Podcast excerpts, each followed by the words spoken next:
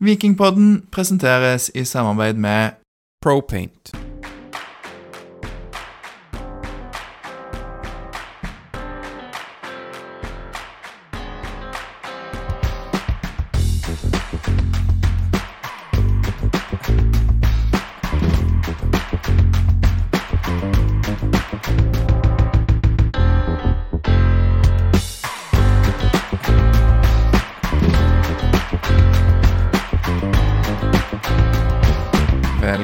Til episode 207 av eh, Vikingpodden.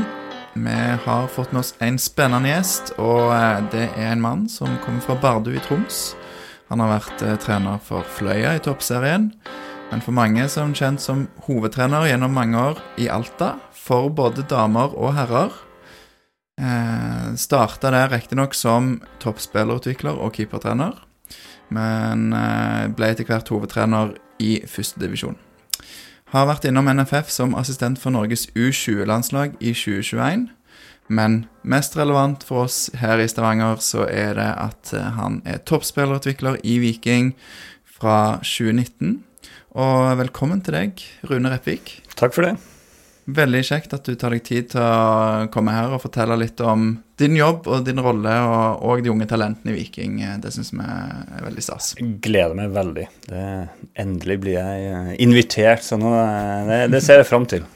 Og jeg er ikke alene. Jeg har jo med meg eh, Aleksander. Kan du si hei? Hei, Lars. Hei, Rune. Hei. Um, Syns du det ble litt for lite fokus på spillerkarrieren din i den introen, eller var det greit?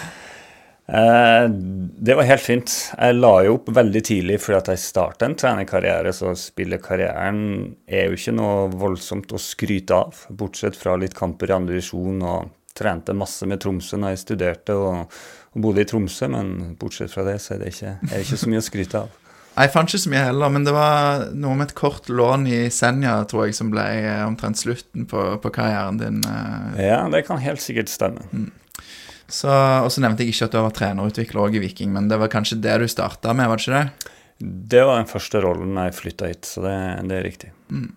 Så nå er det òg nevnt, så det, det er fint. Du kikka jo litt nervøst eh, bort på Rune her, syns jeg, Lars, når du sa disse tingene. Men da traff han altså Rune på den oppsummeringen her av Traff eh, veldig bra. Eh, jeg gjorde det. Eh, rollene i Alta og Fløya i toppserien. Og ikke minst at jeg kom fra Bardu. Det er jo imponerende. Altså, eh, Kan jeg bare spørre om det som er av og til litt sånn opptatt av geografi. Bardu er et litt større område, og Bardufoss ligger i Bardu, er det riktig? Det er ikke riktig. Nei. Eh, Bardufoss ligger i Målselv kommune, som er nabokommunen. Ok. Eh, og kjører du litt sørover, så kommer du til Bardu kommune, som Ja. er i Sætermoen. Ja. Har, nå har jeg trykt på feil knapper hos deg, sånn eh, innledningsvis her, da. Eller? Jeg, tåler det. eh, Det gjør jeg. Så du er jo ikke den eneste. Nei. Det, den geografien der er det mange som ikke kan. Er det ikke et eller annet med noe dialektøy òg, eller er det Bardufoss? Eh, Dialekten til Bardu er jo annerledes enn på Bardufoss. Det er den jo. Den dialekten er jo opprinnelig fra Gud- Gudbrandsdalen, der de har uh, flytta nordover fordi de fikk eh, arbeid og jorde osv. Så, videre. så det er jo der dialekten min kommer fra. Dette skal vi ikke snakke mer om eh, enn vi har gjort, men jeg synes det er ganske interessant, eh, akkurat dette òg, da. Ja. Um, og så er det jo eh, kjekt, det er en kjent, et kjent fjes for mange, fordi du dukker liksom opp i bakgrunnen når du er med og takker publikum og står bak der, men men som du sa, når du endelig får du liksom snakke, så får vi en stemme til dette, dette fjeset, så mange sikkert har sett på benken på kampene til Viking, eksempel. Så. Det er bra. Eh, før vi går videre, så skal jo jeg bare ta en litt sånn annen greie. For du, Lars, du var ute i en tidligere episode og etterlyste sponsorer til Vikingpodden. Det ønska du deg, Ja, det blant annet. Eh, Først og fremst jeg, har jeg tydeligvis her, så ønsker vi det. Men eh, ja. Ja, vi alle syns at det hadde vært veldig mm, hyggelig. Eh, og vi har fått et par sponsorer. Vi har sikra to sponsorer til Vikingpodden nå. Som sammen da skal bytte på å presentere eh, denne episoden og de 19 neste av Vikingpodden. Eh, og det som er litt kult og spesielt, at de to aktuelle firmaene og personene bak firmaene er begge i samme bransje. Eh, de kan finne på å samarbeide, og de har begge hatt sesongkort på Felt K siden stadion åpna. Så ja, vi er veldig eh, takknemlige for den støtten vi får av eh, disse to som er glad i Viking. Og dagens episode er jo da sponsa av ett av disse to selskapene, nemlig Propaint. Um, billakkeringsselskap som holder til på Hinna. Og de er veldig lette å se i Boganesveien på kampdag. Mange kommer tuslende opp Boganesveien for å gå på stadion, og der flagges det hardt med vikingflagg. Så vil bare si det. Tusen takk til Propaint for støtten og spons av denne episoden.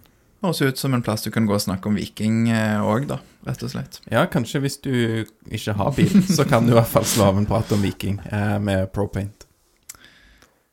Da eh, har, jeg har, eller, har lagt tre overskrifter, så får vi se. Vi sklir kanskje litt over i en annen. Men eh, først vil vi høre litt hva, hva gjør du egentlig, Rune? Hva er din rolle i klubben? Og så har vi mm, dette jakten på toppen versus utvikling av egne spillere. Er det egentlig verdt det? Og siste er mer konkret på i år, eller nå-tilstanden, da. Hva, hva, skjer med de unge som er i vannskorpa i Viking i dag?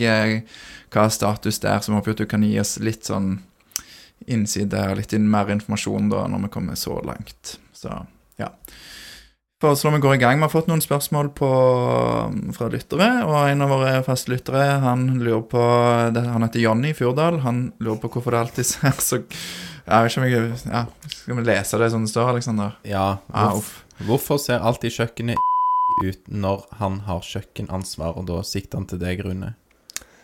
Han skulle fått sittet sjøl og svart på det spørsmålet. Eh, for er det noen som har orden på kjøkkenet, så er det jeg og Bjarte. Eh, når vi har kjøkkenet, så er det ryddig eh, ordna hver eneste dag. Vi kan komme med kjeks, sjokolade, eh, som de andre kan kose seg med.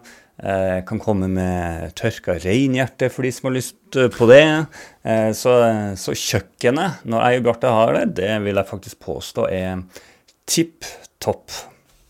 Og det er ikke kødd. Det er veldig, veldig bra. Jeg så tilsvarsrett her fra Jonny høres ut som eh, Aleksander. Ja, så dette, Dere har da en sånn dugnad, en, en, en, liste med ansvar for dager der man skal rydde kjøkkenet, er det sånn? To og to som har ansvaret for, eh, for de forskjellige ukene på, fra orden på kjøkkenet. Og, og Bjarte er da Vikings hovedtrener, Bjarte Lund Aasheim? Riktig. Ja. Ble dere satt sammen fordi at mange ofte blander dere to, eller skjer det eh, Det kan jo godt være. Det, av og til når jeg går, i, går, ned i garderoben fra kamp, så roper jo mange Bjarte til meg. Så, eh, så kanskje. Nei, Jeg bladde gjennom skal finne noen bilder. Det er ikke, du er ikke, dessverre, Rune, så er ikke den jeg har tatt mest bilder av eh, på kampene. Men, men, det var noen der jeg så jeg måtte se to ganger om det var deg eller om det var Bjarte. Så særlig når dere har lua på, så kan en jo forveksle. Det, ja. Um, og vi ser det jo, da, som nevnt på kampene til A-laget, men din rolle er jo toppspillerutvikler. Um, har du noe med akademi å gjøre? Hvordan er arbeidsfordelingen din? Er du et slags bindeledd, eller hva gjør du egentlig? Eh, min rolle er jo å følge opp de yngste på, på A-laget. Eh, så jeg på en måte er jo en link mellom akademiet og A-laget. Eh, som på en måte skal være begge plasser. Eh, så jeg følger opp de som er på A-laget, de yngste, opp til U21-spillere. Og så er det noen få på Viking 2 som man følger opp. Det kan variere litt fra, fra år til år. Så man er liksom den linken der som når f.eks. skal spillere på trening, så går det via meg. Eh, som på en måte prater noe med, med Espen, som har ansvaret for, eh, for Viking 2. Mm. Så på en måte linken imellom de, de to lagene. Og når du sier U21, så er det opp til 23 eller noe sånt? Er ikke det de som er aktuelle for U21-landslaget, eller er det 21 som er cutoffen for deg? Det er Akkurat nå så er det de som er aktuelle for U21-landslaget, opp til de. Så hvis Viking pøser på med masse importspillere fra utlandet som er litt uh, opp i årene, og de tar alle plassene på A-laget, da har du det ganske chill på jobb? ja, da kan det godt være at uh, jeg må gjøre andre ting. Det er fullt mulig. Mm. Håper jo ikke at vi kommer der, da. Eh, når du kom hit, så overhørte jeg at du sa du hadde hatt en vanlig dag. Hvordan ser egentlig en vanlig dag ut eh, på jobb for toppspillerutvikler i Viking? Og fins det egentlig? Altså, det å jobbe i Viking er helt fantastisk. Og um, før jeg svarer helt på det spørsmålet det, det, å kjøre til jobb hver dag det, Jeg gleder meg så sjukt til å komme på jobb. Uh, og, og, det å få jobbe i Viking, det er en drøm som jeg tror mange har, uh, og som jeg verdsetter veldig, veldig høyt. Uh, og så, når jeg kommer hjem fra jobb på middagsbordet, så bruker vi å snakke litt med unger. Har en gutt, gutt på seks og jente på ni. Vi bruker alltid å spørre hvordan har dagen vært, og hva har dere gjort på skolen, og litt sånne ting. Og da bruker de jo alltid å spørre ja, hva har du gjort på jobb i dag. Og eh, det er jo trening og møter. Mm. Og det er jo det det går i. Eh, så dagene er jo på én måte litt lik, men veldig ulik fordi at du jobber med mennesker. Eh, så jobben min er jo å være en støttespiller for uh, trenerteamet og spillerne i trening. Uh, og følge dem opp i hverdagen.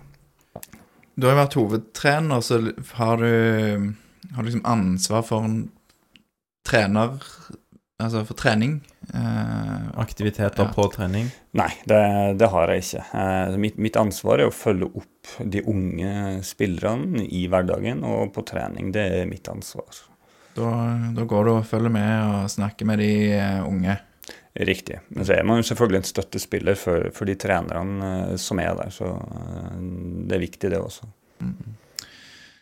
Det er, høres spennende ut. Ja, Så er jo du da i denne litt sånn unike rollen der du er et sånn ja, bindeledd og toppspillerutvikler og um, jobber tett begge veier, hvis man kan si det. Liksom både ja, mot uh, Morten og, og Batty, men òg nedover mot uh, akademiet. Og er, er, det da sånn at du av og til på en måte tar roller som kunne ligget i akademiet? Er det Trekker Mats Ullereng deg liksom eh, ned, og, siden du følger opp de unge spesielt, da? Eh, nei, det som er interessant med rollene, er jo at um, når jeg flytta til Stavanger og begynte i Viking, så starta jeg som trenerutvikler. Da var det ikke toppspillutvikler i Viking. Eh, men fra man rykka opp til 2019, så kom den stillinga. Da fikk jeg den, og fra da så har det endra seg veldig. Da var jeg på A-lagstreninger, var ikke på kampene, eh, men var på de fleste Viking 2-treninger, f.eks. Eh, men så har akademia blitt større og større. Kravene større og større. Så noe er jo mer eller mindre på A-laget, men følger opp av og til spillere på, på Viking 2 men så har jo klubben fått flere toppspillutviklere. Nå har vi Marius Kloster som er inne, og har de som er under meg igjen, som hovedsakelig er rundt Viking 2. Eh, og så har vi Arne Christian Finstad, som måtte ha de under der igjen. da. Så, så, klubben har jo fått flere som har den rollen som jeg har. Ja, skjønner. Og så nevnte du at akademiet har vokst og vokst. Hvor mange er de? Eh, Antallet er jeg litt usikker på, for det, det, blir større og større. Er det mye, en del deltidsstillinger òg i akademiet? Og... Ja, det er jo noen som er innom Vang og osv. Så, videre. så, mm. så akademia akademiet har vokst seg stort. Vi kan ta litt tall på det. da, I 2022, i hvert fall, den rapporten fra 2022, så var det 28 trenere og ledere, hvorav 16 var i 100 stillinger. Um, så det er jo ganske mange. Det er stort. Det er større enn um, jeg hadde tenkt, Lars. Bra, bra research. Ja, og her har jo Mats gjort en fantastisk jobb. Eh, det har jo skjedd mye på, på få år her. Altså, akademiet har jo bygd seg stort. Eh, og det er en grunn til at man har fem stjerner i, i akademiklassifiseringen, for det jobbes veldig, veldig godt. Mm. Og um, Mats Yllang har jo vært gjest hos oss for lenge siden, og er sikkert aktuell for en episode igjen, men uh, anbefaler den uh, nummer 44 langt tilbake i rekka der Mats Ullring var, hvis dere vil høre mer om hvordan akademi jobber, for det er jo ikke der du har ditt virke. For Du kunne sikkert òg lært noe av den, Rune, episode 44. Så det kan vi anbefale. Ja. Absolutt. Eh, Mats er alltid verdt å høre på. Mm.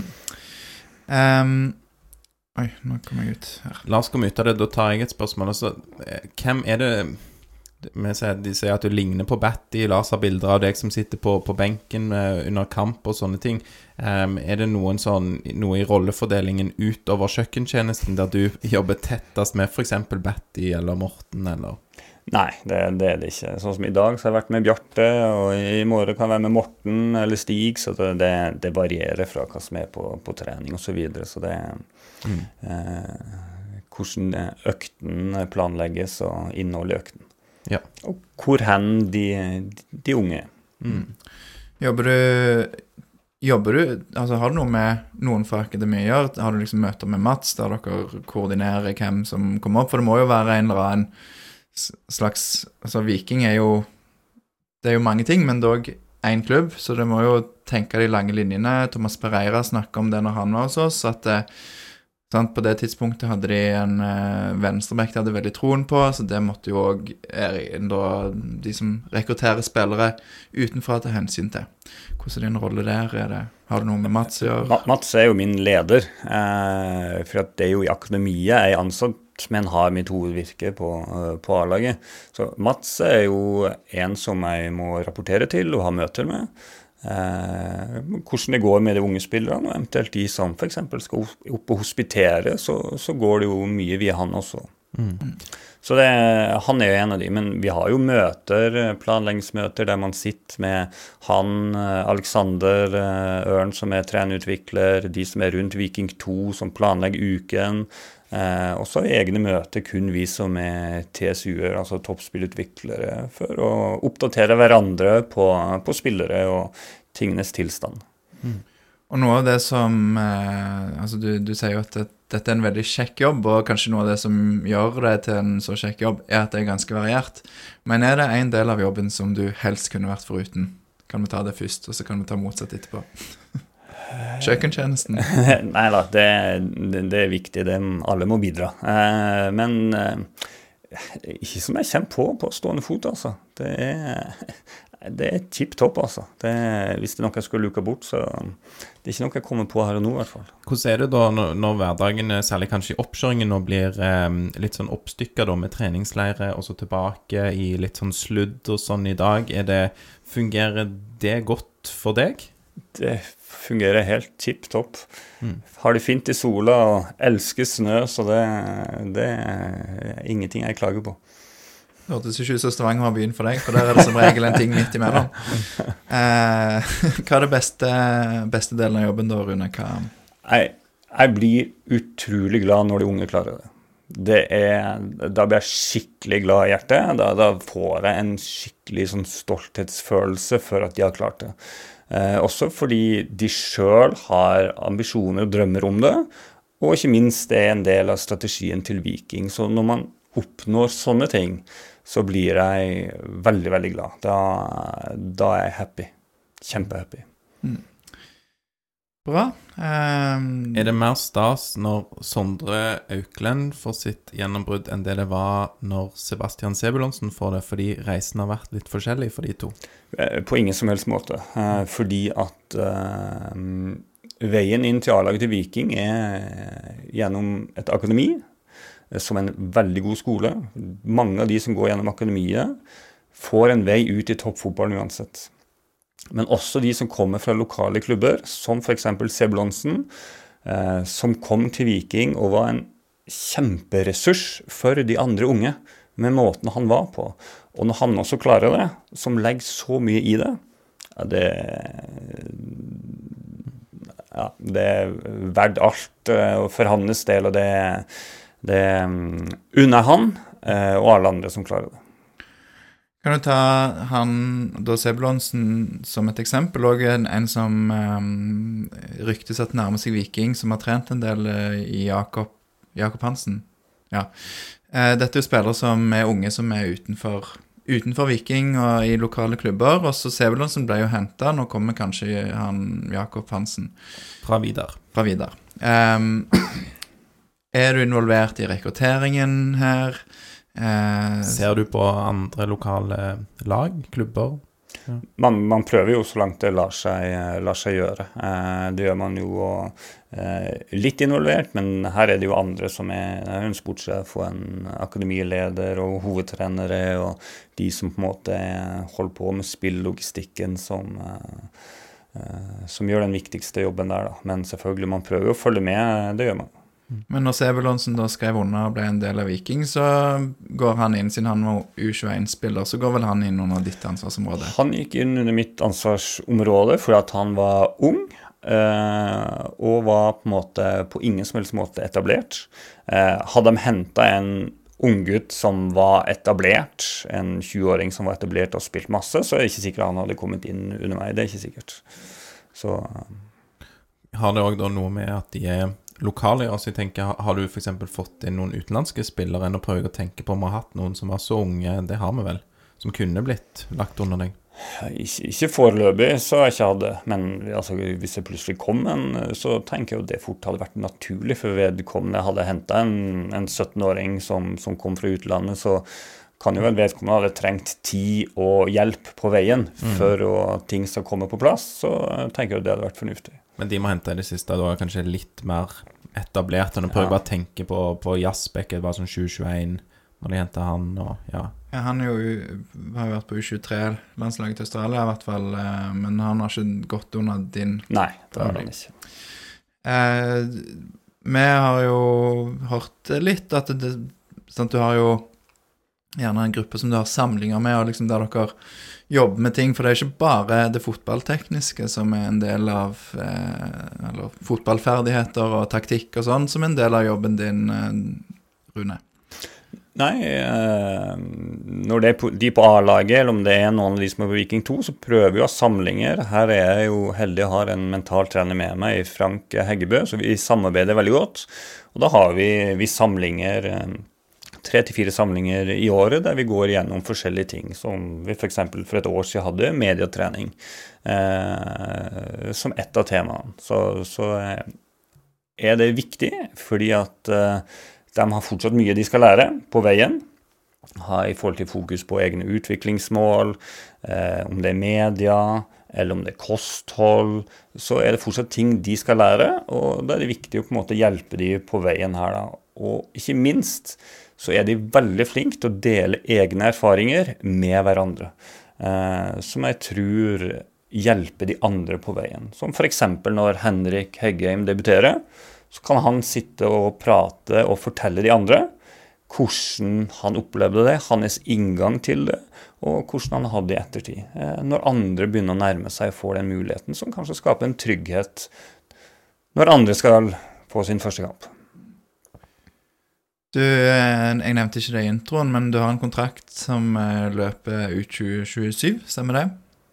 Eh, jeg skrev i hvert fall en ny fireårsavtale, så noen år til i hvert fall. Ja.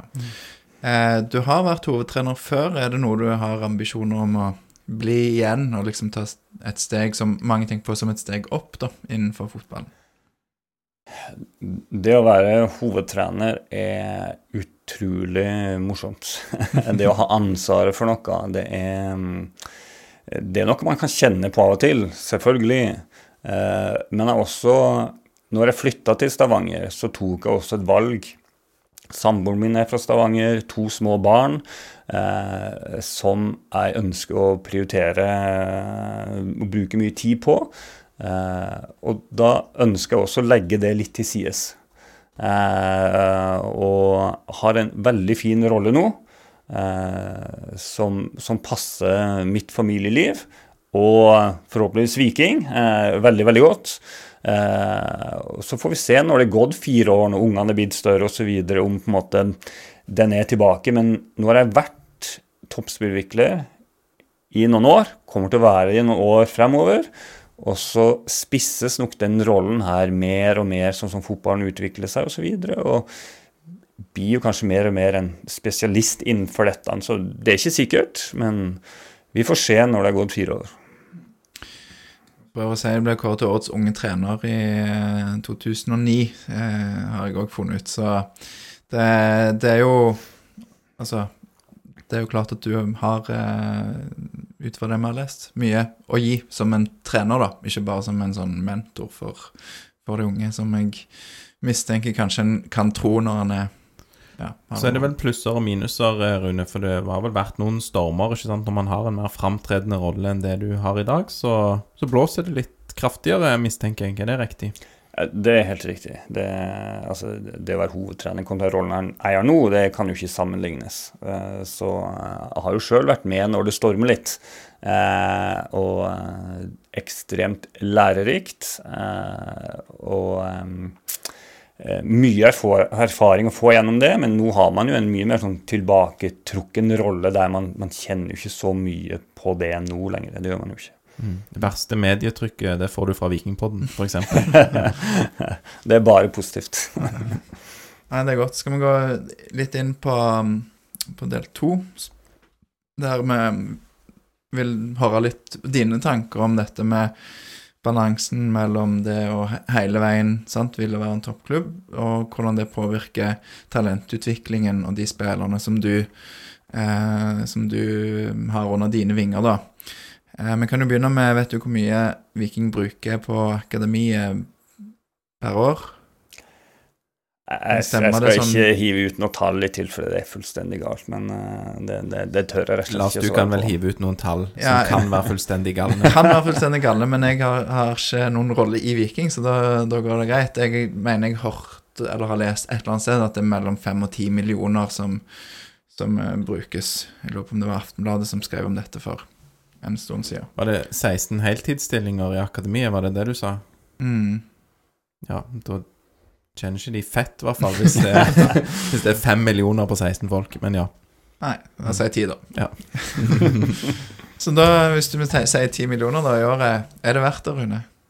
Ja, absolutt. Eh, Det er det. Eh, Så nå vet jo ikke jeg hva Viking gjør kontra andre, men mange av de som er trenere i Viking, i hvert fall så lenge jeg har vært her, er jo her over lang tid. Og det må jo være positivt. Det må jo for det første så bør det jo gå rundt for eh, hver enkelt i forhold til økonomi, eh, som jeg da tenker er positivt. Og så er jo ikke det en, en drivkraft for de som er her, fordi at eh, det er veldig mange dyktige trenere i akademiet. Unge trenere som vil opp og fram. Eh, jeg tviler på at de tjener, tjener veldig, veldig godt. Så eh, det å være en trener i akademiet vil jeg påstå en fantastisk skole hvis du ønsker å utvikle deg og fortsette som trener i årene som kommer.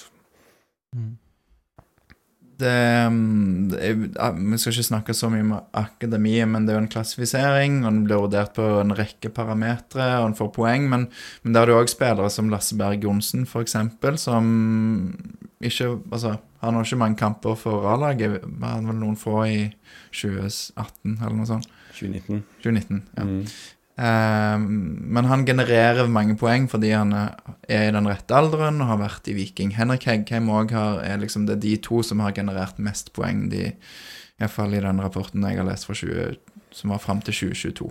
Ja, her vil jo, det vil jo variere fra når de blir eldre, så meg bekjent så, mist, altså, så slutter jo de å telle de poengene, da. Eh, produktivitetspoengene, som eh, jeg tror Jeg husker ikke hvordan scoren var, men når du har fem stjerner, så må du oppnå noe per år. Eh, og de poengene er ganske høyt. Så vi er helt avhengig av at Viking har spillere, unge spillere som har vært i klubben, som spiller for å klare å opprettholde de stjernene. Men, men begge dere to kan jo mer om dette enn meg, eh, så da, da stiller jeg dumme spørsmål på vegne av Ja. meg sjøl og lytterne. Så fem stjerner, det er så mye som et akademi kan ha, eller kan du ha flere? Det fem er det, er det meste du kan ha. Ja. Og når da Lars Erik Sødal nå signerer for Bryne, så vil han generere poeng for Viking hvis han gjør det bra, eller hvis han spiller der. Hvis han spiller, så vil han gjøre det. Og så vil du jo kunne få flere hvis du spiller på et høyere nivå enn en, en Obos. da. Det er jo også sånn at eh, jeg i hvert fall eh, har alltid blitt fortalt, eller alltid gått rundt med tanken om at Viking sitt akademi er Norges nest beste akademi bak Stabæk. Eh, vet du det, Rune? Er det tilfellet ennå? Meg bekjent så er det vel et av de beste. Det er vel vi og Vålerenga som er helt der oppe, men det kan være at jeg tar feil. Ja, Men eh, uansett så er vi blant de aller beste i hele Norge Mm. på, på, de, fleste, på de fleste punktene.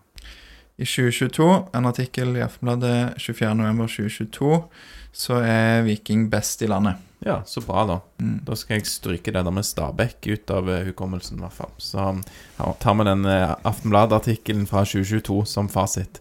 Mm. Um, et spørsmål her fra Lars eh, Aksnes på den plattformen som nå heter bokstaven X. Uh, til deg, Rune. Han spør går det an å kombinere talentutvikling med ambisjoner om topplasseringer, eller må man bare godta at en del talent vil glippe hvis man skal henge med i toppen? Jeg tror ikke vi skal godta det eh, på ingen som helst måte. Eh, jeg mener absolutt det lar seg gjøre.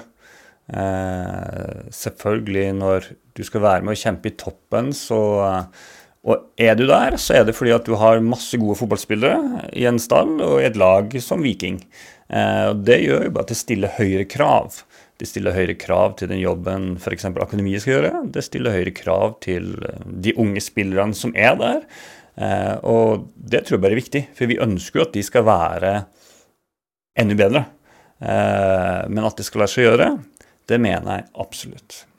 Bare for å påpeke litt det, når vi måtte kjempe, altså, kjempa i toppen i fjor, så har vi en bronsemedalje fra 2021 der vi bruker veldig mye unge spillere. Eh, også hvis du ser 2022, så bruker Brann og Tromsø en del, god del unge spillere. Så det å være med i toppen mener jeg eh, absolutt skal kunne gjøre at vi også har eh, unge spillere som får muligheten. Men det kunne vel vært sånn at eh, et middelhavsfarende vikinglag var en bedre arena for Lars Erik Sørdal, f.eks., som nå forsvinner?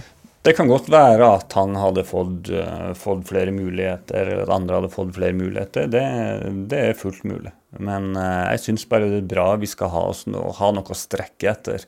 Fordi at Viking skal være et topplag. Og klarer å være topplag med egenproduserte spillere, med lokale spillere, så vil ingenting glede meg mer. Og sannsynligvis alle andre i Stavanger som heier på Viking. Så er det vel òg kanskje en fordel da at vi har Nå har vi Viking 2, som har tatt et steg opp i andredivisjon, eh, og i tillegg en del andre lokale lag eh, som man kan om ikke spille ball med, da, så er det jo muligheter i førstedivisjon for utlån og den type ting, uten at folk trenger å pakke et helt flyttelass.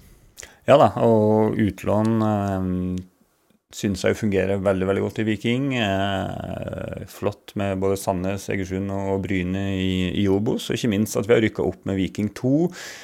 Vil hjelpe de unge spillerne i egen klubb for å få en bedre kamparena enn tredjedivisjon. Det, det tror jeg vil være veldig positivt.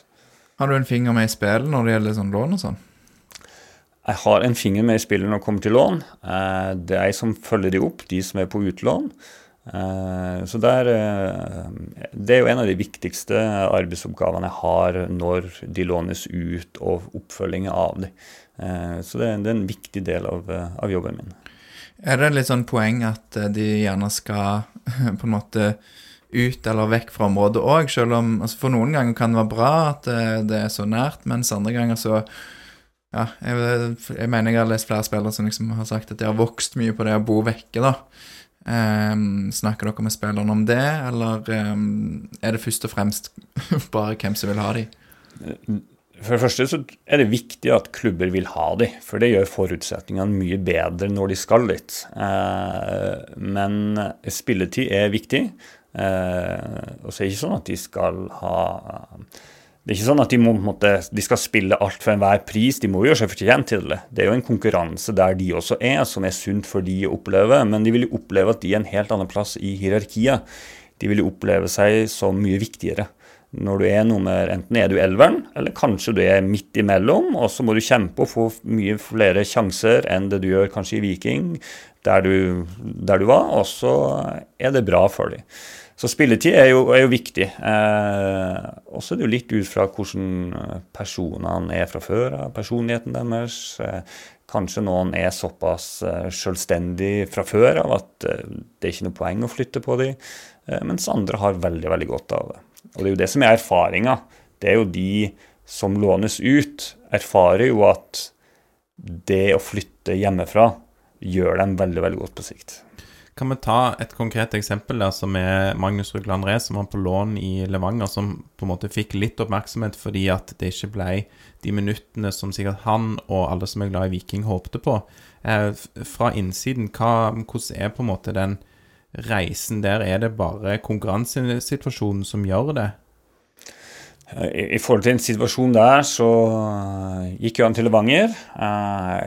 Det var vel kort tid inn mot første seriekamp, og sånn som jeg forstod det, så valgte jo de på en måte å spille med den keeperen som da hadde spilt treningskampene, og gi han den sjansen. Og så går det veldig, veldig bra. Eh, og som, kanskje sånn i ettertid så må man ha vurdert om var dette riktig for Magnus sin del. fordi at hvis jeg setter meg i hovedtreneren sin stol, så var jeg sjøl i Alta når vi spilte i Obos-ligaen i 2014. Så henta vi en keeper fra Stabæk eh, på siste dag overgangsvinduet.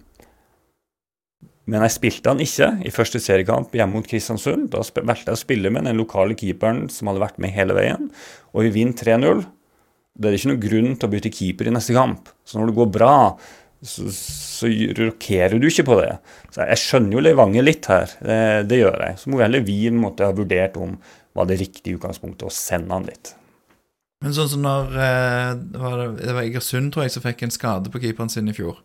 Eller la oss hypotetisk si at Egersund får en skade på keeperen sin. Eh, og så Jeg tror de endte med å låne Sandnes sin unge keeper.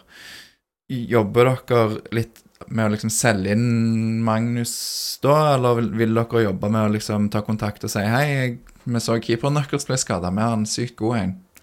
Eh, forhåpentligvis så kjenner de også til eh, det som er her. Det gjør de fleste i området, tenker jeg. Men eh, det er jo sånn liksom, plutselig er det en, en skala keeper her, og så har vi et ønske f.eks. å låne ut Magnus. Og så blir jo det naturlig å ta den kontakten om på en måte at her har vi en som vi mener er mer enn god nok for å spille for dere. Så det går an å ta kontakt den veien òg? Selvfølgelig. Ja. Um, forresten, Aleksander, hopper litt tilbake. Ville du heller hatt et lag som middelhavsfarer med lokale spillere, enn et lag som uh Nei, jeg er jo selvfølgelig eh, enig med, med Rune. Med å, fordelene med å kjempe i toppen er jo eh, Det er jo så mange, og det er jo Altså, klubben er jo òg til for byen og de som er glad i den, og men, eh, men, det er klart, det er jo det er jo vanskeligere, og det er jo noen situasjoner der du kanskje der du virkelig føler du kniver om poengene. Det er medaljer det er snakk om, det er premiepenger der oppe, og i, på samme måte, hvis du kjemper mot et nedrykk, så er det ikke, da kan du ikke spille de unge spillerne nødvendigvis, fordi at det nedrykket vil være så katastrofalt på så mange måter. Mens hvis du ligger der og kjemper om syvendeplassen og kan i verste fall havne på tiende, så er det jo Det er annerledes, og jeg prøver bare å, å tenke litt på disse scenarioene der, ikke sant, der vi har eh, gode midtbanespillere som kunne fått sjansen. Eh, og så er det noen posisjoner på banen òg der det kanskje er litt høyere terskel for å, for å sette inn de unge. og eh, Jeg vil jo hevde at sentral midtbane er en sånn posisjon. Det er lettere å kanskje hive inn en, en kant eller en angriper når du leder 3-0 og ja. Maser du på Bjarte og Morten der? Sånn, du, kom igjen, vi leder 3-0. Gi nå de unge sjansen her. Nei, men det, De beste spillutviklerne er jo hovedtrenerne. Eh, uansett hvor det er. Det er, jo, måte, det er, jo, de som skal gi de mulighetene. Det er jo de som bytter det inn eller ut. Så, eh, så de har et forhold til det, er jo kjempeviktig. Eh, det er det jo. Så hvis du gir de innspillene, vil det være mest liksom, Kan du gjøre det i kampsituasjon, eller vil det være mer diskusjoner mellom kampene? I så fall være diskusjoner mellom kampene, selvfølgelig er man på benken også og på en måte mener her, her kan noen få den muligheten, så vil det jo være innspill. Og så til syvende og sist de som, de som tar valget, da. Mm. Det er jo hovedtrenerne som eh, har kortest vei ut døra, så det er jo de som på en måte må stå til ansvar. Um, og det blir jo fort sånn i, rundt klubben, da, for oss som står på utsida. Altså hvis klubben gjør det bra og ikke, bruk, altså ikke bruker nok lokale, så får de kjeft for det. Og hvis de ikke kjemper i toppen, så har de gjerne brukt for mange av de som, ikke, altså som er talenter, da. Så en litt eh, oppleves det litt som damn if you do og damn if you don't. Ja da, men uh, Selvfølgelig. Så, men jeg, jeg, mener det skal la seg eh, gjøre. Og så er det bare vår jobb å påse at de er klar og er, er god. Og så er det jo ikke sånn at får de sjansen, så er det jo ikke Du kan jo ikke f.eks. det er en unggutt som får sjansen, så kan du ikke sette ham på samme linje som Slatko. For Slatko er jo dritgod, ikke sant? Eh, men han kan jo komme seg dit. Eh, men da trenger du jo å få de mulighetene. Du trenger å kjenne på den tilliten, og så plutselig så er de der. Fordi Rune Skarsjord sa det veldig godt her for eh, Jeg husker ikke når jeg hørte det, men kommer du opp på A-laget, og du tenker de er ferdigutvikla, så har vi jo tatt deg opp for seint. Så, så kommer du opp på A-laget som unggutt, så har du fortsatt du, mye du skal lære. Men de må jo også få de dryppene på den spilletida og de sjansene for å på en måte ta de stegene som man ønsker. Mm. Eh, det har blitt diskutert litt på jeg nevnte det kanskje på Twitter eller X da, eh, om akademiet faktisk er godt nok. Og ja, Tangen er vel kanskje den forrige som fikk et sånn ordentlig gjennombrudd. Aukland er forhåpentligvis på gang og hadde noen gode kamper i fjor. Eh, og nåløy er jo trangt, som vi har vært inne på. Det er vanskelig å lykkes. Eh, og det er ikke så mange som gjør det. Så kanskje det konkrete spørsmålet er er dere egentlig fornøyd? Mm, nei, jeg vil jo ikke si at vi er fornøyd. Eh, I fjor så vi på spilleminuttene, så er det jo langt fra det vi ønsker. Eh, jeg syns jo Sondre kommer hjem fra utlånet som er en helt annen spiller. Eh, og når han fikk muligheten i fjor høst, så ser vi at her har det skjedd noe. Bare med at han fikk de minuttene i Obos-ligaen for Jerv på de to månedene, så skjedde det noe. Eh, for min del, som har de unge, så syns jeg det var kjempeviktig eh, og artig å se at Sondre tok de stegene. Og så er det bare å håpe at det fortsetter inn i sesongen i år. Ja, det er jo litt som en eh, spiller alltid sier at en må alltid ha nye mål, så må jo, må jo dere òg ha det. Og det er mye spennende i Det er det, ja, med de spillerne vi har nå. Vi har jo eh, glidd litt over i noen konkrete eksempler på, på spillere som ja, sist sesong og før det var, var ute, osv. Men hvis vi skal ta da over til del tre som er satt opp her, som er de unge i, i dagens eh, tropp. og ja, deres situasjoner og, og, spilletid, så kan vi åpne med et spørsmål her fra Jon Karsten Jensen, som han har sendt inn på X. Um, han spør er det noen av de yngre talentene som i år bør ha spilletid på et høyere nivå enn Post Nordligaen, eh, eller er det godt nok eh, for deres utvikling? Og da tenker han på andre enn de som allerede har spilt i, i Eliteserien og, og Obos. Post Nord tror jeg blir en berigelse for mange av de unge spillerne. De, de, kommer til å oppleve et nivå som ikke er i nærheten av det samme som tredjevisjon. Eh, eh, kommer til å hjelpe de veldig på veien eh, videre. Eh, så det er en veldig god arena. Eh, også handler litt om hvor langt enkelte er kommet. I sin utvikling, og hvor hen de står i dag i forhold til muligheten til A-lagsfotball, der man må vurdere om er Post Nord godt nok. Så, så, det vil nok komme caser der vi mener at her er det spillere som bør spille høyere nivå enn en PostNord. Og så kan jeg jo skjønne, hvis du ikke kan oute det her på lufta, hvilke spillere du tenker burde kanskje spilt i, i Obos, men har du noen i tankene her, Rune? sånn? Vetle Auklend, han er bare skamgod. Burde spilt Obos. Eh, Vetle er kjempespennende, men uten en måte Magnus har vært med lenge. Uh, U20-landslagskeeper. Spilt mye tredjevisjon. Er altfor god for televisjon. Uh, Post Nord vil være en veldig fin arena for han, uh, men jeg mener at han har godt av å spille på et høyere nivå. Eh, for sin egen utvikling og for eh, på en måte skape en trygghet den dagen han skal komme tilbake, i håp om å spille på, på Viking sitt, eh, sitt A-lag. Han fyller 20 i år. En 04-modell, kanskje det. Mm. Um, er, er, det liksom sånn Er det uttalt eller ikke uttalt et mål at uh, han er vår neste førstekeeper når Gunnarsson blir solgt? Det, det, vet jeg ingenting om, men det er jo en keeper vi satser på. Og så er det jo en konkurranse mellom han, Arild og, og Pat. Så, så, vil jo tiden vise hva som skjer. Så eh, det, det, vet jeg ikke. Hvis du var hovedtrener i Viking, ville du vært komfortabel med at eh, Gunnarsson ble solgt, og Arild Østbø og Gunnarsson var, Nei, Arild Østbø og Rugland Rev var de to keeperne vi hadde? Uh, uten tvil. Fordi det er to fantastisk gode keepere. Mm. Så vi, jeg mener med de tre vi har, så vi, vi er kjempegodt spilt med tre veldig gode keepere. Mm. Jeg tar et par eh, andre konkrete navn her. Altså, de gangene jeg har sett eh, Jone Berg, midtstopper, spille eh, kamp, så syns jeg han ser eh, rågod ut og ser veldig voksen ut. Eh, og et annet navn er jo Edvin Austbø, som jeg har sett glimtvis, og som mange kanskje trodde skulle få et eh, gjennombrudd eh, i fjor. Eh, kan du si noe om forventninger eh, for de to inn mot 2024-sesongen?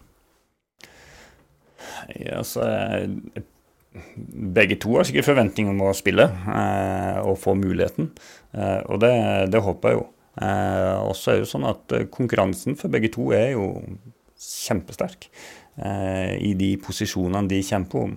Eh, så, eh, så, vil jo tiden vise litt om, om, hvordan den reisen blir. Den kan bli helt lik, den kan bli helt ulik. Mm. Så, så, det må vi bare se litt hvordan preseason og hvordan starten av sesongen egentlig blir for, for de to.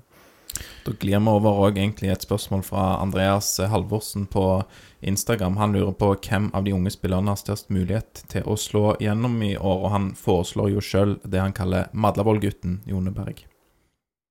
Det er veldig vanskelig å spå. Eh, jeg eh, med hele mitt hjerte håper at det er en unggutt som tar vare på sjansen eh, når han får det. Hvem det er, det vil egentlig bare tiden vise. Men jeg har lyst til at hvert år så er det noen som skal kunne ta det. Eh, og det har vi stort sett klart. Eh, Auklend fikk mange fine muligheter i fjor høst.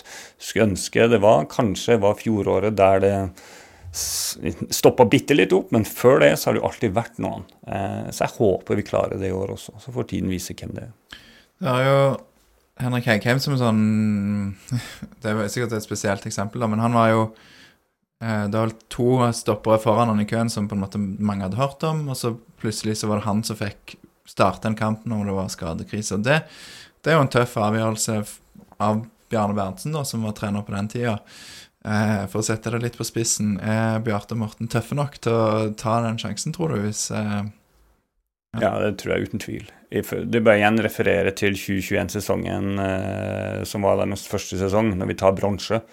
Harald tar det. Seblonsen spiller masse. Simon hadde da ti innhopp, én kamp fra start, med flere som får muligheten. Så, så det De gir muligheten når de føler at de er klar for det. I den uh, posisjonen vi nevnte da med Jone Berg, så er det jo mange unge midtstoppere som er spennende. Du må gjerne uh, legge til noen. Jeg håper ikke du tar vekk noen av de jeg leser opp, da, men, uh, men du har jo Felix Lillehammer. Uh, og Jone Berg, som kanskje de som spilte mest på Viking 2 i fjor. Og så har du Kristoffer Foregård Paulsen, som har, eh, var på lån i Junkeren uh, bl.a. i fjor. Eh, og så har du da i Atesdalen så har du jo etablert det. Du har Langås, Diop, Stensnes og Viljar. Stensnes er skada, Diop er skada jo litt sånn eh, Jeg kjenner det, det koster litt å si at eh, Ja, sorry, Viljar, vi gir Jone sjansen nå. For det er jo Viljar som lojal, en god spiller. Leverte bra på høsten. Leverte jo bra på høsten, men det var jo en del som liksom OK, men kanskje Jone får sjansen nå når det er så mye skader her. Så valgte de jo Vilja, da. Um, hvordan, tror du Det er ikke du som tar de vurderingene, men, men som hovedtrener, hvorfor, eh, hvorfor ble det Vilja? Det handler om å ta tre poeng. Eh, der kjemper man om eh, medaljer osv. Og, så og eh, som hovedtrener så må du ta ut de du mener er de beste der og da, for å ta de tre poengene. Og Vilja gjorde fantastiske, gode kamper. og så hadde helt sikkert Jone også gjort det. For igjen ser du Jone sin kamp mot Brønnby, så klarte han seg kjempebra. Det var det ikke alle som hadde forventa. Så igjen, får ungguttene muligheten, så vil de i de fleste tilfellene overraske. Mm. Eh, så, men igjen, det, det, er vanskelige valg som hovedtrener skal ta. Og eh, det kan godt være at jeg hadde gjort akkurat det samme. Men i den rollen så river du bitte litt i håret, kanskje? Ja, men igjen, én ting er jo rollen min, men uh, det er jo viktig for meg å påpeke hvis jeg sitter på benken osv. Sånn, det handler om å ta de tre poengene. Det er kjempeviktig. Uh, ingen tvil om det. Uh, fordi at klubben skal være med å kjempe i toppen osv. Så, så jeg kan jo ikke, jeg kan ikke lyge til treneren og si at han her er klar, hvis jeg mener han ikke er det. Eh, sånn eh, Ikke nødvendigvis i, i, den casen her. Så, så, det er viktig for meg å være veldig ærlig. Det, det er det. Ikke for enhver pris, for det er jo òg dårlig ut, spillerutvikling å hive det ut på ja, det, for dypt vann. De må bevise at de er klar for det. Mm. Eh, det, det som eh, Dag Idar Jøsseng spør om på Twitter her, eh, eller X, eh, refererer vel Det er vel Løkberg sin podkast, er det ikke det, Aleksander? Jeg vet ikke. Jeg har ikke hørt uh, Løkberg sin podkast på en stund. Jeg tror det. Um, der um, han stiller spørsmål ved om unge spillere har like stor vinner- og offervilje uh, som unge spillere i en del andre land. Det kan nok være det var den livepoden Løkberg var med i. Uh, har vi det for godt her? Um, hva gjør dere for å forberede det, Jeg så ikke det andre del av spørsmålet. Hva gjør dere for å forberede unge talenter på det som kreves for å ta det store steget til voksenfotball? Hva skal dere gjøre for å bli bedre? Det er vel ingen tvil om at norsk ungdom har det bra og har det godt, de aller, aller fleste. Eh, blir du ikke fotballspiller, så har du uansett veldig gode muligheter for noe annet. Eh, for spillere der ute eh, fra andre land som har det helt annerledes, så kan det nok fort være at de legger kanskje enda mer i dette husker på Marbella for eller to år siden så satt jeg og prata litt med David. Eh, og litt hans reise og hvordan det var å være ung fra den klubben han kom fra. Snakker du om David Brekalo? Riktig. Eh, ikke sant? Og den erfaringa han gjorde seg f.eks. fra, fra de, den ungdommen som er her, så opplevde jo han på en måte at de som var der, at de ofra mye, mye mer. fordi at hvis ikke de ble fotballspillere, så, så, hadde de en helt annen reise enn det kanskje ungdommen her i Norge har. Eh, så fra enkelte land så, så, vil det jo være forskjeller her. For vi har det veldig bra her. Eh, det har vi. Eh, og det gir oss også noen utfordringer på utviklinga av, eh, av, de unge spillerne. Eh, Hvordan? Nei, eh, for det første så har vi et veldig godt samarbeid med skolen som gjør at de kan komme og, og, trene og legge til rette for at de kan gjøre det bra på skolen, som er kjempeviktig. Eh, min erfaring er jo litt at, og det her gjelder ikke alle på ingen som helst måte, men de som legger veldig mye i skolen, har ofte dupper på utviklinga si på fotballen. Eh, mens de som legger veldig mye i fotballen, og på en måte ikke nødvendigvis skal ha sekser i alt, men de som på en måte er egentlig liksom fornøyd med å komme igjennom og på en måte ha OK karakterer, og legge største prioriteten i fotballen, de har en veldig god utvikling i fotballen. Så vil jeg bare påpeke at Dette gjelder ikke alle, men dette går litt sånn igjen med de unge etter at jeg eh, begynte å jobbe med dette i, i 2019.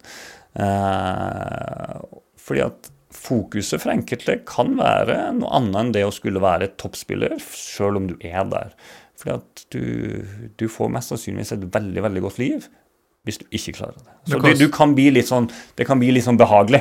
Mm. Det kan det være. Så det handler jo om å på en måte få satt det i litt motstand.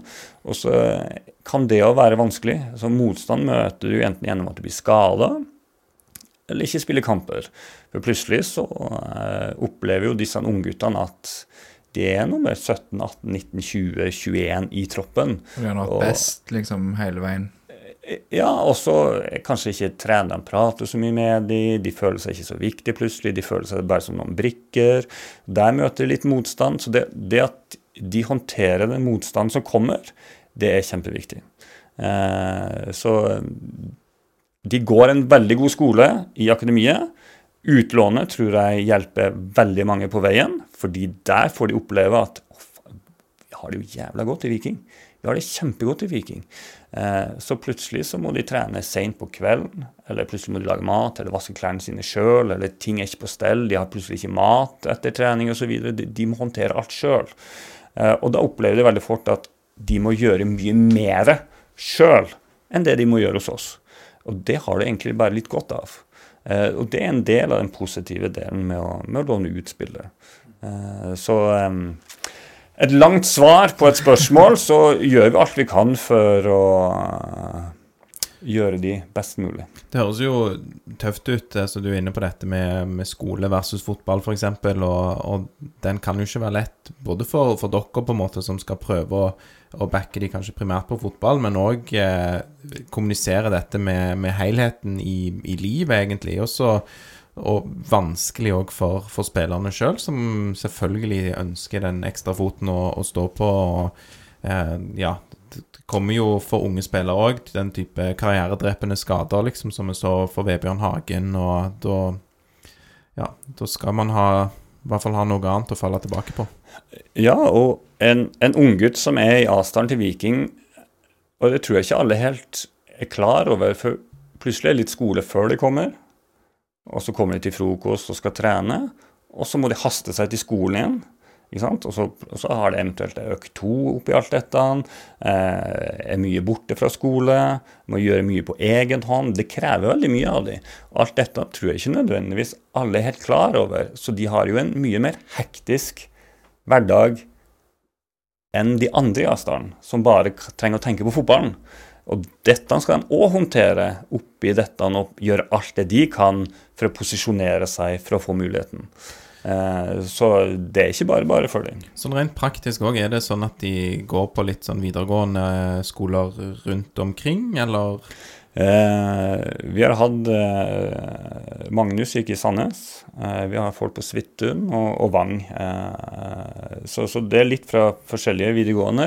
Eh, men jeg er søkk imponert over det de legger til rette fra, fra, skolen for at de skal klare dette. Og de ønsker bare at de skal gjøre det bra på skolen og komme seg gjennom. Mm. Og jeg føler jo de spiller veldig på lag med oss også. Så, eh, det er bra å høre, men det er jo en liten logistikkoperasjon med de skolene her du nevner. De ligger ikke dør, dør i dør. Nei. Det er helt, helt, korrekt. Hva, som Jeg jobber jo i, i barneskolen. Hva, kan jeg gjøre noe eh, i min jobb for å liksom forberede dem på dette livet på en måte, eller har du Nei, jeg tror ikke men, men eh, sett stort på det, så hadde det jo vært bra å hatt noe i og rundt stadion som andre har. Det, det, gjør jo mye. Du snakker om logistikken. ikke sant? Det, det hadde jo gjort ting enklere eh, hvis det hadde vært tilfellet. Mm.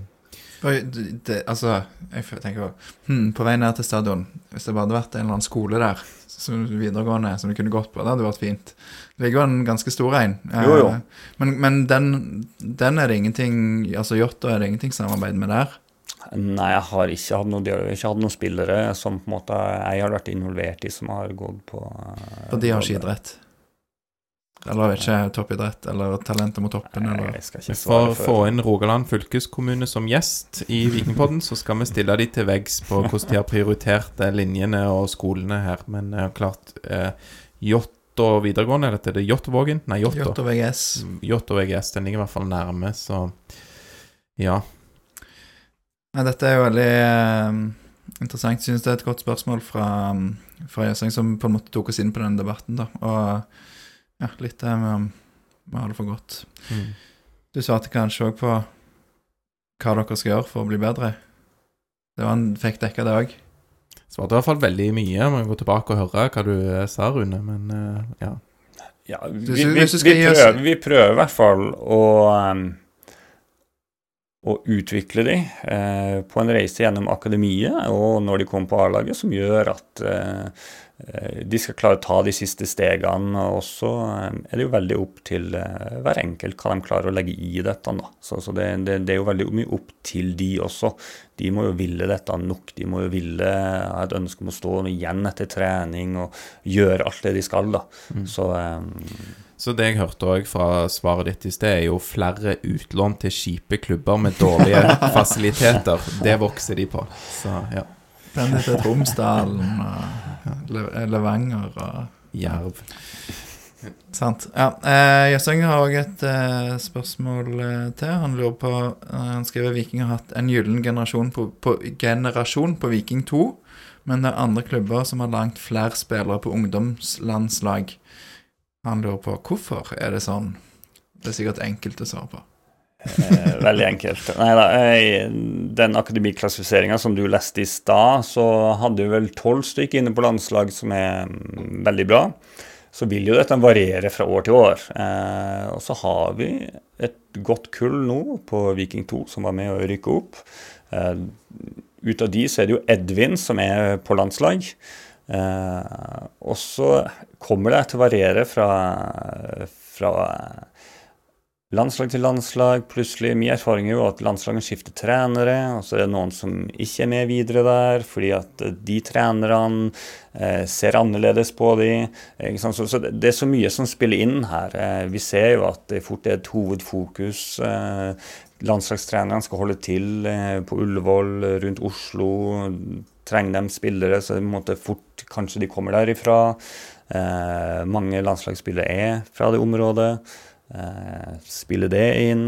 Så, så, det kommer nok til å variere litt eh, i årene som kommer, men ingen tvil.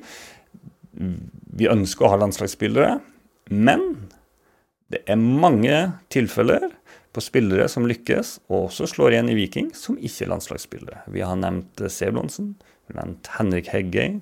Meg bekjent så var ikke Adrian spesielt på landslag. Før de blir eldre og spiller, så er det jo snakk om da eventuelt U20 eller U21-landslag osv. Så, videre. så det, det, å være på et landslag for mange er kjempebra, eh, men det er ikke nødvendigvis eh, det som avgjør om du blir toppspiller men, eller ikke. Men er det da litt sånn latskap fra noen eh, inne i Oslo som skikker mest lokalt det som er en kjøretur unna? Det kan godt være. Det er fullt mulig. Det, men noen, det, det, er så forskjell fra trenere. Vi har hatt landslagstrenere som kommer hit og ser treninger, eh, som kommer i møter, ser kamper. Eh, eh, så lenge jeg har begynt, så er det vel kanskje to trenere som jeg, som jeg har hatt veldig god dialog med. Så, så det, det, varierer fra hvem som har ansvaret, vil jeg påstå. Og hvis uh, treneren liker godt å spille 3-5-2, så er det ikke så lett for Edvin Øysbø å, å, komme inn der, kanskje, for han er jo typisk wing. Ja, så, det er veldig fra de trenerne som er der. Mm. Ta et litt annet uh, spørsmål her fra um, Bjørn Ravnås på X. Han lurer på om dere tar noen som helst personlighetstest av spillerne. Så sier han at, at han vet at personligheten ikke setter seg før man er sånn 27-30 år, men uh, lurer likevel på dette. Eh, interessant spørsmål. Eh, jeg vet jo andre klubber utenom det, på hvilket nivå de gjør det. Eh, så er det noen som gjør det. Vi gjør det ikke, meg bekjent. Eh, men det, det, hadde jo vært en interessant eh, noe interessant å gjort på sikt. Eh, både kanskje fordi vi har, som gjør kanskje at vi hadde blitt enda bedre kjent på dem. Kanskje vi kunne hjulpet dem enda bedre på veien. Eh, eventuelt de får de nye spillere, som andre klubber kanskje gjør. Eh, så meg bekjent så gjør vi det ikke, men kanskje på sikt. Vi skal vi nærme oss slutten. Du skal bli utfordret på å ta, si bitte litt om styrkene til disse spillerne som har vært med på treningsleir og ligger i skorpa. Men før det så vil jeg bare òg eh, si for meg det var nettopp en sak i Aftenbladet om Daniel Karlsbakk. Han var jo, han er ikke et produkt av akademi, men var jo et år bare i Viking. Og der sier han noe om at eh, i Norge så, fikk, eh, så, så får han liksom høre den er god på, og det er liksom en sånn der veldig ja, nesten, som jeg leste, nesten snillisme, da. Eh, mens i Nederland og andre land så er det liksom mye tøffere, og du får høre mye klarere på det du ikke er så god på, kanskje. Eh, kan det være et problem òg, litt i lys av det vi snakket om? Eh, om han har det for bra? Det, det, er fullt mulig. Nå har ikke jeg vært noe utenlandsproff i det hele tatt, men, men, du hører jo historier fra at det er så mye tøffere der ute, og det, og det er det helt sikkert. Og den er interessant, den historien vi leser fra, fra, fra Daniel, som, som, er en av de man, man fulgte opp, som var en fantastisk gutt med masse selvtillit og fantastisk utstråling, og eh, en som var veldig godt likt. Eh, som også måtte jobbe eh, med eh, det han måtte bli bedre på, uten tvil. Og så kan det godt være at treneren der borte har vært mye mer direkte enn en det som har vært her. Så, så er det, jo, det er jo kulturforskjeller. Det er jo ingen tvil om det. Så um, han har jo virkelig fått kjenne på um, den kjipe sida når du ikke spiller fast i utlandet, som som jeg håper han kommer seg ut av. Så det er jo litt sånn, det er ingen som, som er bare én ting, og det er ikke én ting som passer for alle.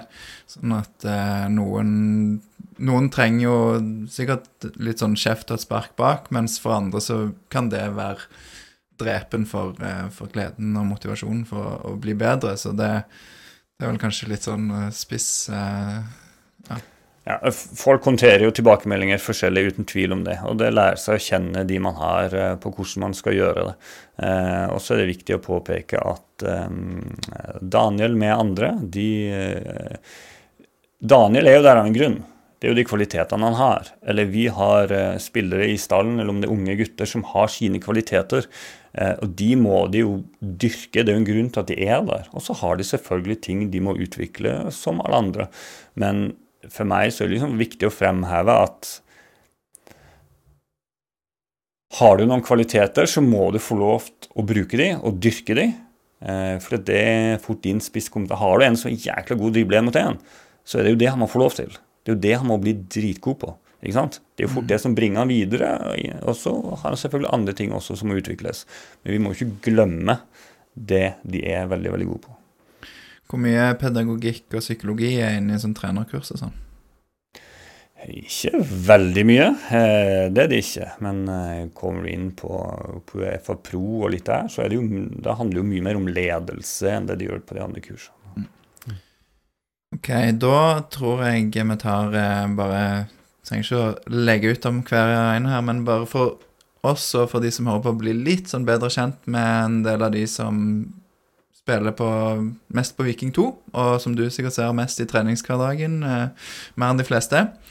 Eh, Hvis du kan bare gi noen sånn styrker, hva de er gode på, eller hvorfor de slår gjennom i år, eh, så, eh, så tar vi bare lista her. Og da kan vi begynne med Markus Bø Sola, som er keeper, som er født i 04, var med på treningsleir nå.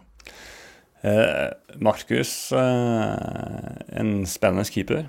Eh, veldig treningsvillig. Eh, veldig artig å følge han på i Gran Canaria, fordi at han eh, Du ser at han har veldig lyst til dette. Og så er det jo ikke Det er jo ikke en jeg har fulgt opp, for her er Kurt, som er keepertrener, som følger han hele tida. Så her hadde nok han kunne svart veldig mye bedre på dette enn det jeg har. Men, men igjen, Markus eh, sånn som jeg har blitt kjent med han, er jo veldig spennende, for det ser ut som han har veldig veldig lyst til dette. Han er veldig ivrig, har lyst til å legge mye i dette. Eh, og det er et veldig godt utgangspunkt. Mm. Eh, snakk litt om Magnus Rugland Ree, men hva ser du på som hans største styrker? Han har en veldig fin ro i seg. Eh, veldig fin venstrefot. Eh, har en veldig fin size. Eh, veldig godt trent. Stor rekkevidde. Eh, har mye av det en, en toppkeeper trenger. Han trenger i mine øyne bare å få masse kamptrening på så høyt nivå som mulig. Vi går videre til forsvar, og da har vi lillebror eh, Auklend Vetle. 05 og Beck. Eh, Vetle var veldig positiv. Jeg syns han er veldig positiv eh, innhopp mot eh, Las Palmas. Eh, fin venstrefot. Eh, jeg syns han er litt sånn leken. Kan av og til være litt sånn frekk eh, på en positiv måte i, i spillet sitt. Så eh, Vetle har mye positivt i det offensive spillet sitt som, som hans styrker, som jeg håper vi får masse glede av. Mm. Jone Berg har man kanskje sett. Han jo, virker òg ganske moden, men vil du si to ord om han òg? Jone, når han bestemmer seg for at nå skal han være best, og på en måte Den kampspilleren Jone, som på en måte tar for seg dueller og har kontroll på, på spissene og på en måte er litt vond å møte eh, Er han der hele tida, så, så, kommer Jone til å ta store steg eh, eh, i år. og, og Jone har en fin fot. Det går jo veldig igjen i de fleste gjennom akademiet, fordi de går en god skole eh, i forhold til det offensive spillet sitt. Så eh, Jone blir spennende å følge med fremover. Felix Lillehammer, 05, stopper det òg, er det ikke det? Ja. Eh, Felix er en spennende eh, spiller. Eh, han òg er jo Det lyser jo veldig av han når han er på trening, at dette er noe han har veldig, veldig lyst til. Eh, også en interessant reise.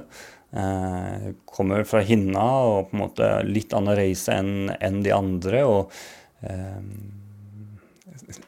det, det, er noe med Felix, altså. Det er ingen tvil om det. Eh, som jeg tror han kommer til å få en god sesong i år. Og som jeg tror, hvis han bare står litt i dette, så vil jo tiden vise litt hvor hans vei går videre henne senere. Om det her eller andre plasser. Men det gjelder jo han med mange andre. Det, det, handler litt om å stå i det løpet de er i. Så blir det fort eh, toppfotballspillere av, av, mange av dem. Dette Mats Ullering snakker en del om det òg, at noen må vekk. Altså sånn du, Alle disse får ikke gjennombruddet sitt i Viking, mm. og, og, noen må, mm. må, vekk for å ta det steget, da. Um, Henrik Stakkeland, høyrebekk, 04-modell.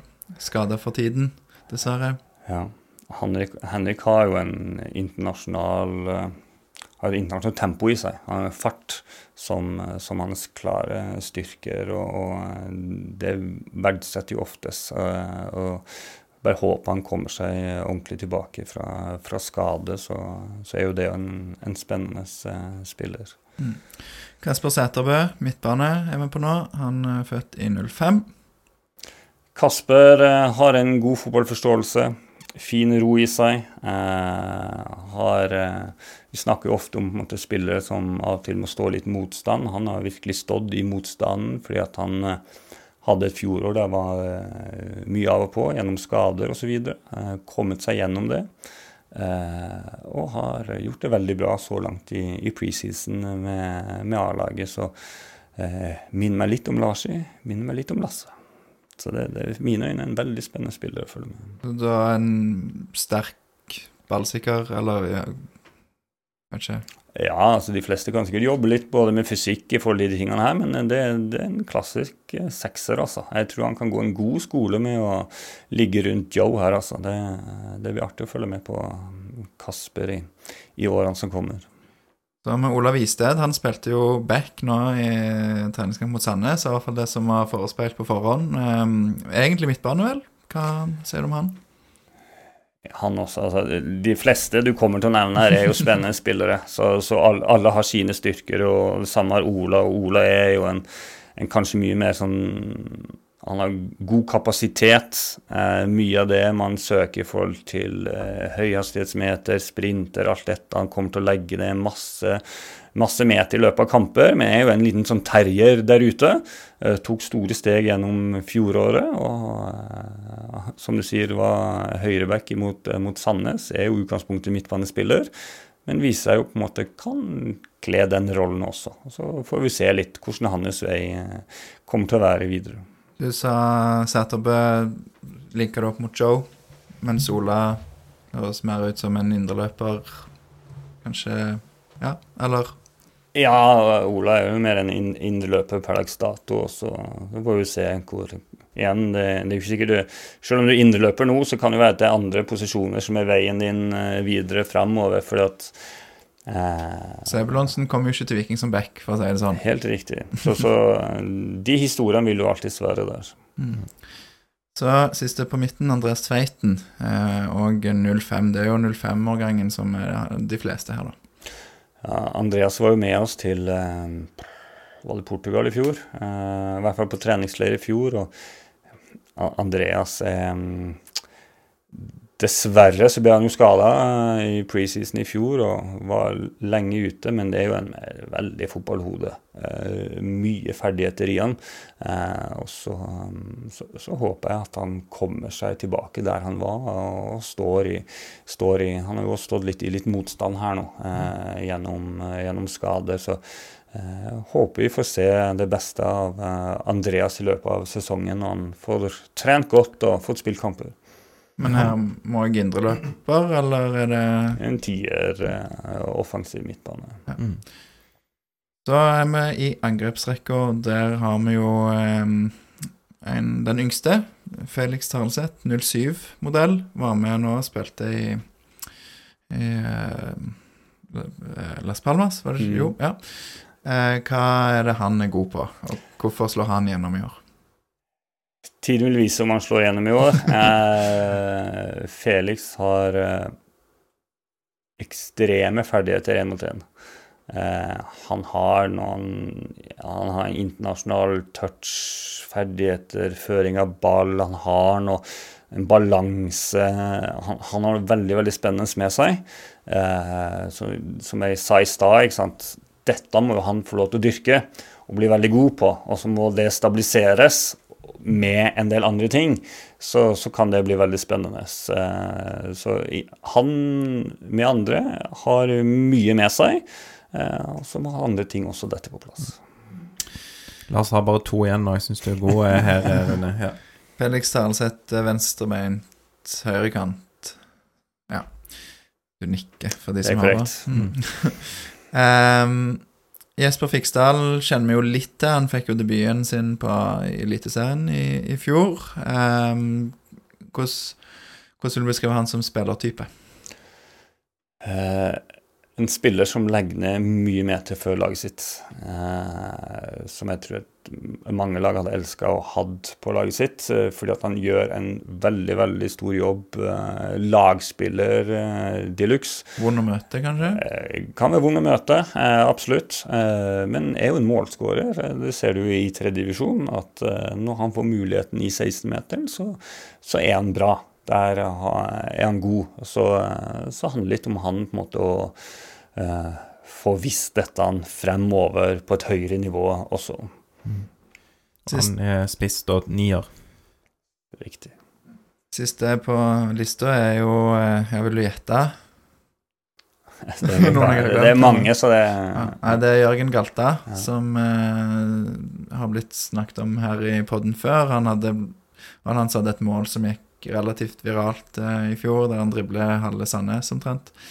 Um, da er jeg kanskje litt inne på hva hans styrke er, men hvordan vil du beskrive Jørgen Galta? Som? Det er jo en driblekant eh, som er god én mot én, eh, som egentlig er god på begge sider. og Det bor mål i han. Eh, så, og eh, igjen en spennende kantspiller. så det, det, er jo mange i de samme posisjonene her. Mange spillere kan kanskje være litt like. Eh, så igjen en spennende spiller som blir interessant å, å se, i, se i Post Nord og veien videre hans. Hans vei videre. Det var de jeg hadde på, på lista, og så er det jo andre unge som ikke har nevnt, selvfølgelig. Og du, du kunne sikkert eh, sagt mye mer om hver enkelt av disse, men, eh, men det skal vi ikke be deg om. Nei. Og så er, det jo sånn at mange av de spillerne som du prater om her nå, er spillere som, eh, som jeg tror har en veldig fin eh, framtid foran seg i, i toppfotballen, som, som der de fleste er jo Viking 2-spillere. Eh, som, som, Marius, eh, som er toppsutvikler, har ansvar for deg, sammen med Espen Andersen, som er på Viking 2. Og dette er nå spillere som man har med på treninger med A-laget, men det er også spillere som man eh, ikke har et hovedansvar for. Mm. Det eh, Jeg er bare litt interessert i å høre om Er Simon klar for eh, Simon Kvia, er han klar for Eliteserien? Syns Simon hadde gode innhopp i 2021. Eh, nå er vi 2024. Simon eh, har masse spennende med seg, så Simon med, med tillit og muligheter eh, tror jeg kommer til å ta Eliteserien. Mm. Ok. Simon i en tierrolle, ja. Er det noen nå som ikke har spurt om, som du føler vi burde ha spurt om? Nei, jeg eh, Vi har prata mye om de unge, deres vei videre. Du har nevnt veldig mange spillere osv. Man kan jo velge å snakke om mange. Eh, så eh, det, det, det viktigste for meg er bare at et av de spørsmålene tidligere her var jo kan Viking være et topplag og fortsatt ha unge spillere, så mener jeg ganske klart at det skal være mulig. og Det må vi strekke oss etter. Det må absolutt være en, en ambisjon. Og så er det min eh, med mange andre, og viktig å på en måte få gjort den jobben godt nok for at eh, de skal klare det. Mm. Til sist, kan du nevne én spiller som du tror for, kan få gjennombruddet sitt i år? Det viktigste for meg er at vi klarer å få én spiller. Altså. Det, så vil tiden vise hvem det er. Du merker her at eh, Lars vil jo gjerne ha litt sånn breaking news, at det kommer her, vet du, Rune. Jeg skjønner det, og først. Jeg er jo forberedt på, eh, på at det kan komme de spørsmålene. Så, Mm. eh, så, men igjen, det, det, det, er- det er vanskelig å svare på hvem, hvem er det som faktisk tar det. For plutselig kommer det en fra sida som man ikke tenkte eh, var der i februar, som plutselig er der i, i Mm. juli. Og da er det heller ingenting med, med din karriere og bakgrunn som du tenkte sånn Oi, at de ikke plukket opp det, eller spurte om det. Nei, ikke Nei. noe eh, Ikke noe spesielt. Eller nei, OK, jeg visste ikke om jeg skulle ta det, men Jo. Eh, det som er interessant, eh, det er jo hvis man går på Google Mm. Jeg vet ikke om dere har det foran dere, men hvis man, Det har hatt. hvis, Ja, man, hvis man søker på straffespark i verdensklasse, Ja. hva er det første som kommer opp da? Nei, nå skal jeg se.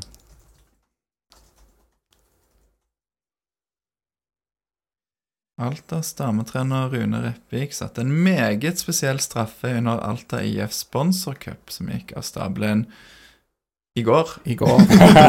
I 2010. I 2010. Ja. Så eh, Det bare for å holde den som nummer én når man søker på straffespark i verdensklasse, så melder jeg jo om det her og nå, sånn at den kan holde seg der for alltid. Ja. Det er nice, da. Som du ser, det, klippet Fins det noe video her? nå? Dette kom ikke fram hos meg, i hvert fall. Har du den videoen, Rune? Jeg har ikke videoen, video, men den har ligget der, så Ja, nei, men vi skal ta oss og publisere dette som en link. Eller hvis, hvis jeg klarer å få den videoen, så skal vi legge det inn i YouTube-episoden òg. Så ja. Men-. Eh, men hva, hva er det du gjør her? For her ligger ikke videoen, tror jeg. Nei, det var, så ut som det var litt vanskelig. Kan du beskrive den? Eller er det best uh... La det være opp til uh, lytterne å se dette, så kan Ja. spenninga ligge litt der. Vi må nok kontakte. Altaposten, for jeg er litt usikker på om artikkelen ligger der og videoen ikke. Men dette skal vi grave i, så finner vi ut av det, ja. Nei, men det, det var gøy at det, at det kom eh, her til slutt, så, så det er bra. Det, researchen vår feiler på det punktet, men eh, Feil søkeord i Google, vet du. Nei, det var, det var gøy. Mm. Eh, takk igjen for at du stiller opp, eh, Rune. Jeg syns det er veldig kjekt å um, få høre litt om, eh, om både hva du driver med, og dine tanker om, eh, om disse talentene. Så Setter stor pris på at jeg ble invitert, og Mm. det um, har vært en, en fryd å prate med dere. Så det, det er bra. Det er godt å høre. Takk òg til alle som har eh, sendt inn spørsmål. Jeg setter pris på det. Og takk til alle som hører på. Og Da avslutter vi episoden med å si heia Viking på tre. Én, to, tre. Heia Heia Viking! Viking!